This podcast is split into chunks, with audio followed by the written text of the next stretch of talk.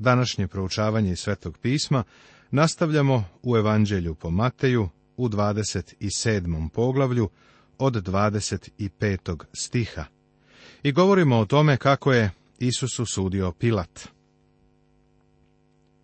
Tada im pusti Varavu, a Isusa išiba i predade da ga raspnu. I Pilat je spreman da se nisko spusti, i on je morao da donese odluku, a njegova odluka je naravno bila odluka odbacivanja.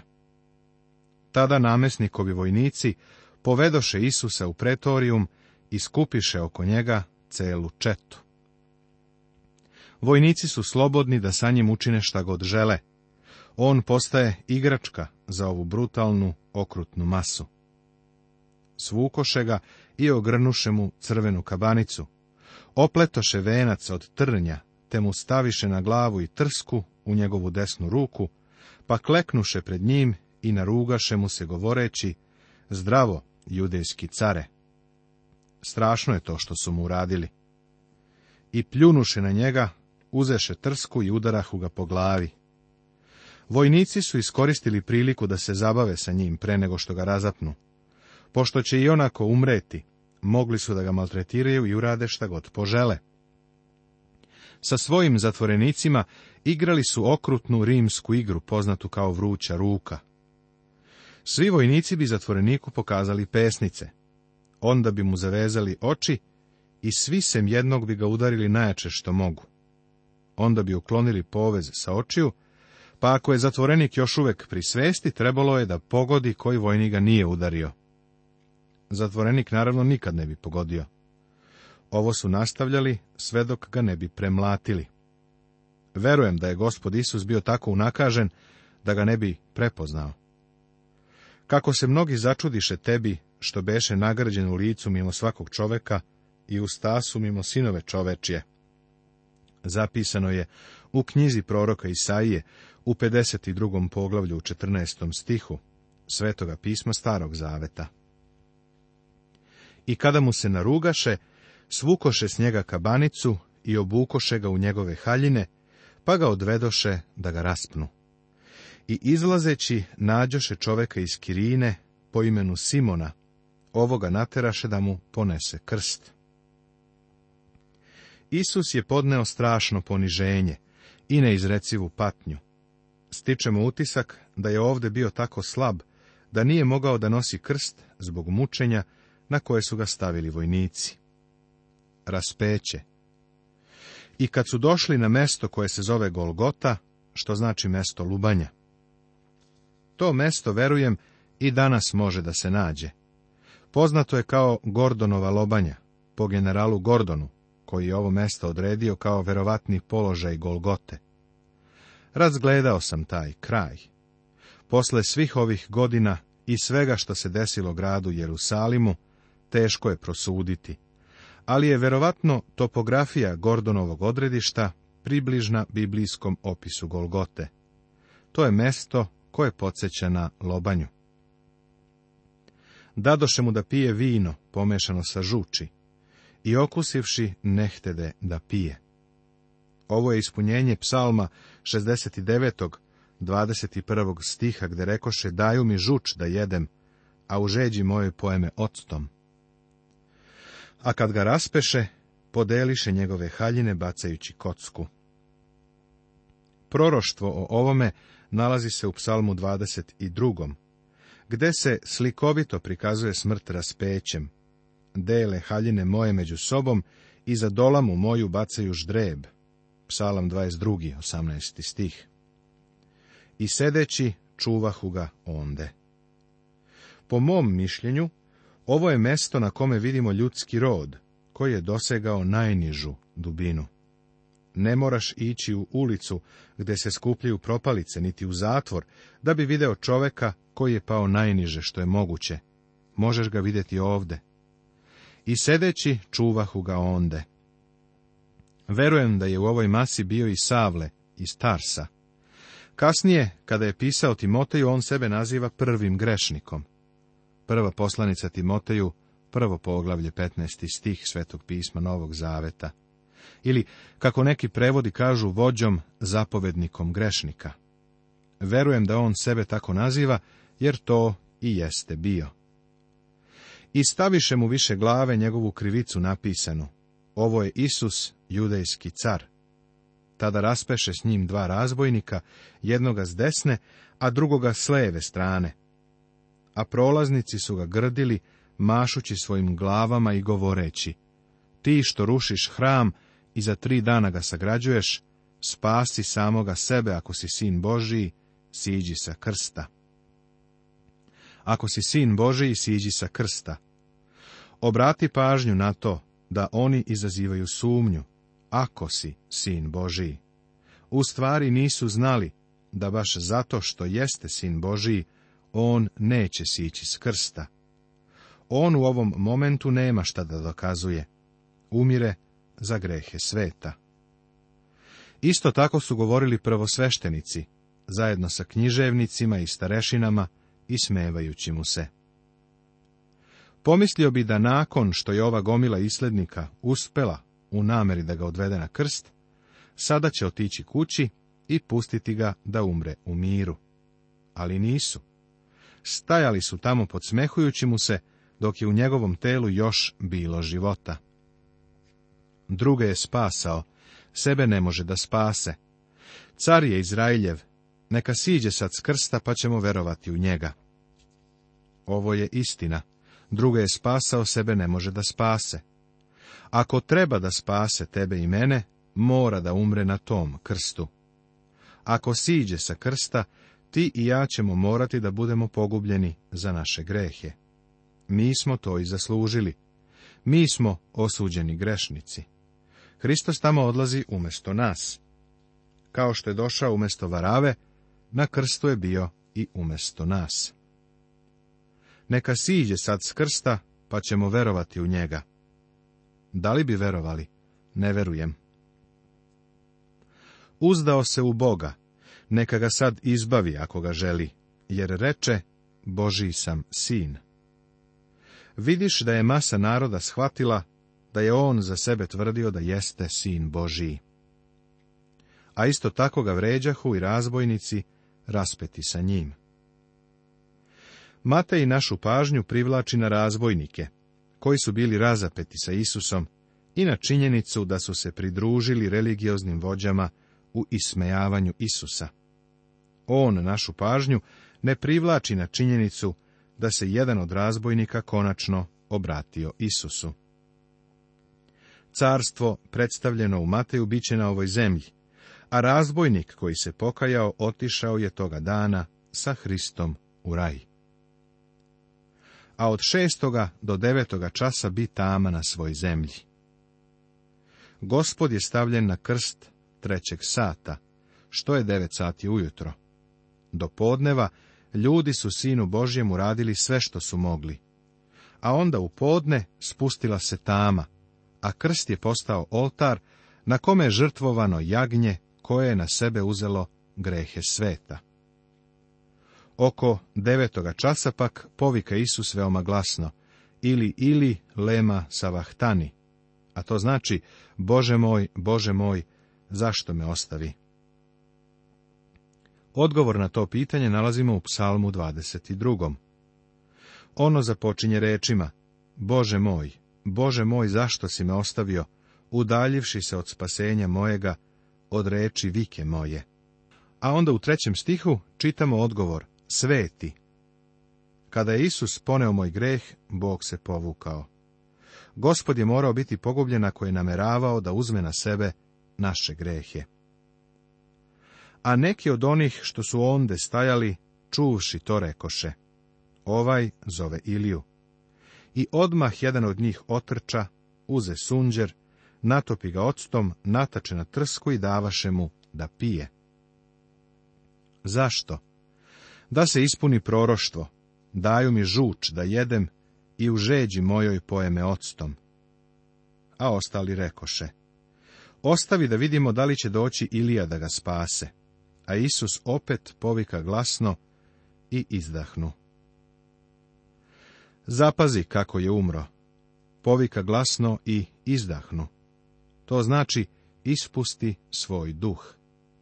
Kao pastir često sam imao priliku da čujem samrtni ropac, borbu za posljednji dah koji tako očajnički želimo.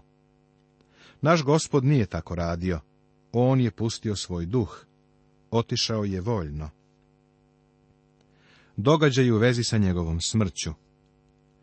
Kada je Hristos umro, desilo se nekoliko primetnih stvari. Jedna je zemljotres, druga je cepanje zastora na pola ili cepanje zavese u hramu, koja je odvajala svetinju nad svetinjama od ostalog dela hrama. I gle, zavesa u hramu rascepi se na dvoje, od gore do dole, i zemlja se zatrese i stene se raspadoše. Zapazi da se zavesa u hramu nije pocepala od dole ka gore, nego od vrha do dna. Nju je pocepao Bog, a ne čovek. Zavesa simbolično predstavlja telo Hristovo. Kada se njegovo telo lomilo na krstu, kada je na svom telu platio kaznu za tvoje i moje grehe, otvorio se put za ulazak u prisutnost Božiju. Prema tome, tebi i meni nije potreban sveštenik ili propovednik koji umjesto nas ulazi u prisutnost Božiju. Mi, tronu Božijem, prilazimo direktno kroz Hrista. Da naglasim da je jedini put do Oca kroz njegovog Sina. Jer Bog je jedan i jedan je posrednik između Boga i ljudi, čovek Isus Hristos. I grobovi se otvoriše, te vaskrsnuše mnoga tela umrlih svetaca, i izišavši iz grobova, posle njegova vaskrsenja, uđoše u sveti grad i pokazaše se mnogima. Ovo je događaj koji spominje samo Matej. Voleo bih da je više rečeno. Jedino mogu reći da verujem da se to desilo baš onako kako Matej opisuje i da su oni koji su ustali iz grobova bili deo velike pratnje, koja je otišla u nebo kada je Isus pri svom vaznesenju zarobio roblje. Kako je opisano u poslanici Efestim u četvrtom poglavlju Svetog pisma Novog Zaveta. Zemljotres spomenut u stihu 51.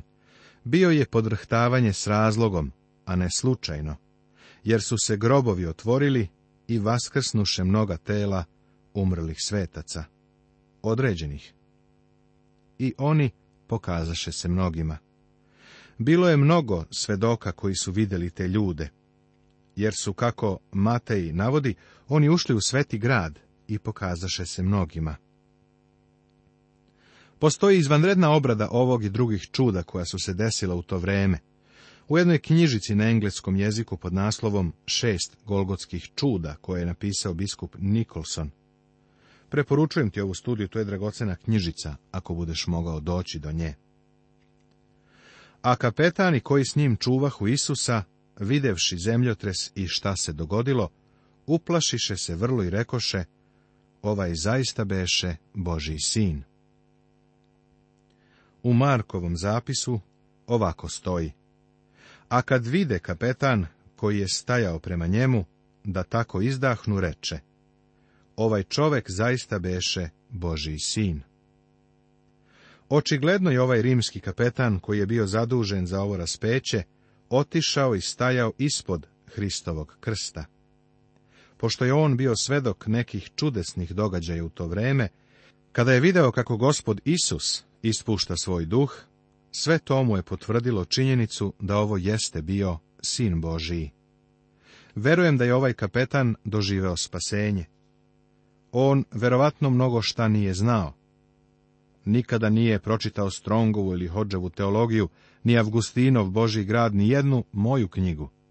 Ali znao je dovoljno da zauzme svoje mesto ispod Hristovog krsta, a to je sve što Bog traži od svakog grešnika. A behu onde i gledahu iz daleka mnoge žene, koje su pratile Isusa od Galileje i služile mu. Među njima beše Marija Magdalina, i Marija majka Jakovljeva i Josifova i majka Zevedejevih sinova. Isus je sahranjen u Josifovom grobu. A kad nasta veče, dođe bogati čovek iz Arimateje po imenu Josif, koji je i sam bio Isusov učenik. Sve do ovog događaja nismo znali da je on bio učenik. Zanimljivo je vidjeti da baš ono što je nateralo apostole da se razbeže, baš to je dovelo u javnost druge, koji su se sve do ovog vremena nazivali tajnim učenicima. Josif iz Arimateje istupa i objavljuje svoju veru. Ovaj pristupi Pilatu i zatraži Isusovo telo. Tada Pilat naredi da mu se preda. Josif je otišao kod Pilata na osnovu toga što je bio Isusov učenik. I uze Josif telo, uvi ga u čisto platno. Jovan nam kazuje da je Nikodim sarađivao sa Josifom u pripremanju Isusovog tela za sahranu. A kad dođe i Nikodim, koji mu je prvi put došao noću, te donese oko sto litara pomešane smirne i aloja. Tada uzeše Isusovo telo i obaviše ga platnenim zavojima, smirisima, kako judeji obično sahranjuju. Ova dva čoveka koji su izgleda bili u pozadini, sada javno istupaju kao Isusovi učenici. Zanimljivo je zapaziti da su samo ruke ljubavi dotakle Isusovo telo nakon njegove smrti. Pa ga stavi u svoj novi grob koji je usekao u steni i navali veliki kamen na vrata od groba i otide. A Marija Magdalina i druga Marija seđahu onde prema grobu. Zapazi ovaj nežni događaj u vezi sa Isusovom smrću. Nekoliko žena je bilo verno i ostalo kod krsta. Oni su ostale odane kada su se učenici razbežali. Blizu brda koje se naziva Gordonovom lobanjom nalazi se grob za koji se smatra da je grob u koji je bio sahranjen Isus. Naziva se grobom u vrtu. Ni na kakav način ne možemo biti sigurni da je to stvarno Isusov grob. Iskreno, ja sumnjam. U toj oblasti ima mnogo grobova, a Isusov grob bi mogao biti bilo koji od njih. Ali nije Hristova namera da određujemo tačnu lokaciju Golgote i groba, da bismo od njih načinili svetilišta. Video sam jednu ženu koja je u grob ulazila na kolenima i rukama, ljubila mesto gde su bila stavljena tela. Ovo nema nikakvu vrednost. Ono što gospod želi da uradimo jeste da verujemo u evanđelje, da je on umro za naše grehe, da je bio pokopan i da je ponovo ustao. To je radosna vest koju treba da nosimo celom svetu. Grob je zapečaćen i postavljena je straža. A sutradan, posle petka, skupiše se prvosveštenici i fariseji kod Pilata i rekoše, Gospodaru, seti smo se da ona varalica još za života reče, posle tri dana vaskrsnuću. Naredi stoga da se osigura grob do trećega dana, da ne dođu njegovi učenici, ukradu ga i narodu reknu, vaskrsao je iz mrtvih, pa će posljednja prevara biti gora od prve. Reče im Pilat, evo vam straža, idite i osigurajte kako znate. A oni odoše i utvrdiše grob, zapečativši kamen i postavivši stražu. Žar njegovih neprijatelja samo potvrđuje Isusovo vaskrsenje. Da su oni otišli i ostavili grob takav kakav je, možda bi njihovo naknadno objašnjenje praznog groba bilo zadovoljavajuće i prihvatljivo. Ali, prijatelju, kada imaš grob koji je zapečaćen i rimsku stražu koja ga čuva, onda njihova tvrdnja da su apostoli ukrali Isusovo telo zvuči prilično suludo. Isusovi neprijatelji su se dobro potrudili da osiguraju grob i sama ta činjenica samo čudesno potvrđuje Hristovo vaskrsenje.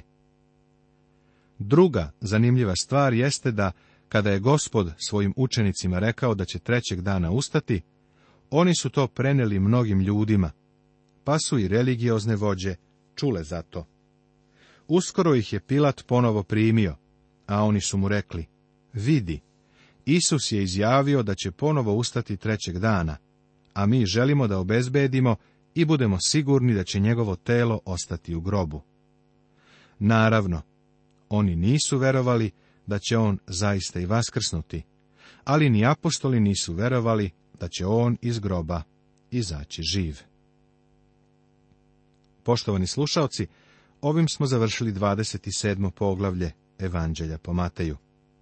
U našem narednom programu završit ćemo sa 28. poglavljem i time okončati naše pregledavanje Evanđelja po Mateju.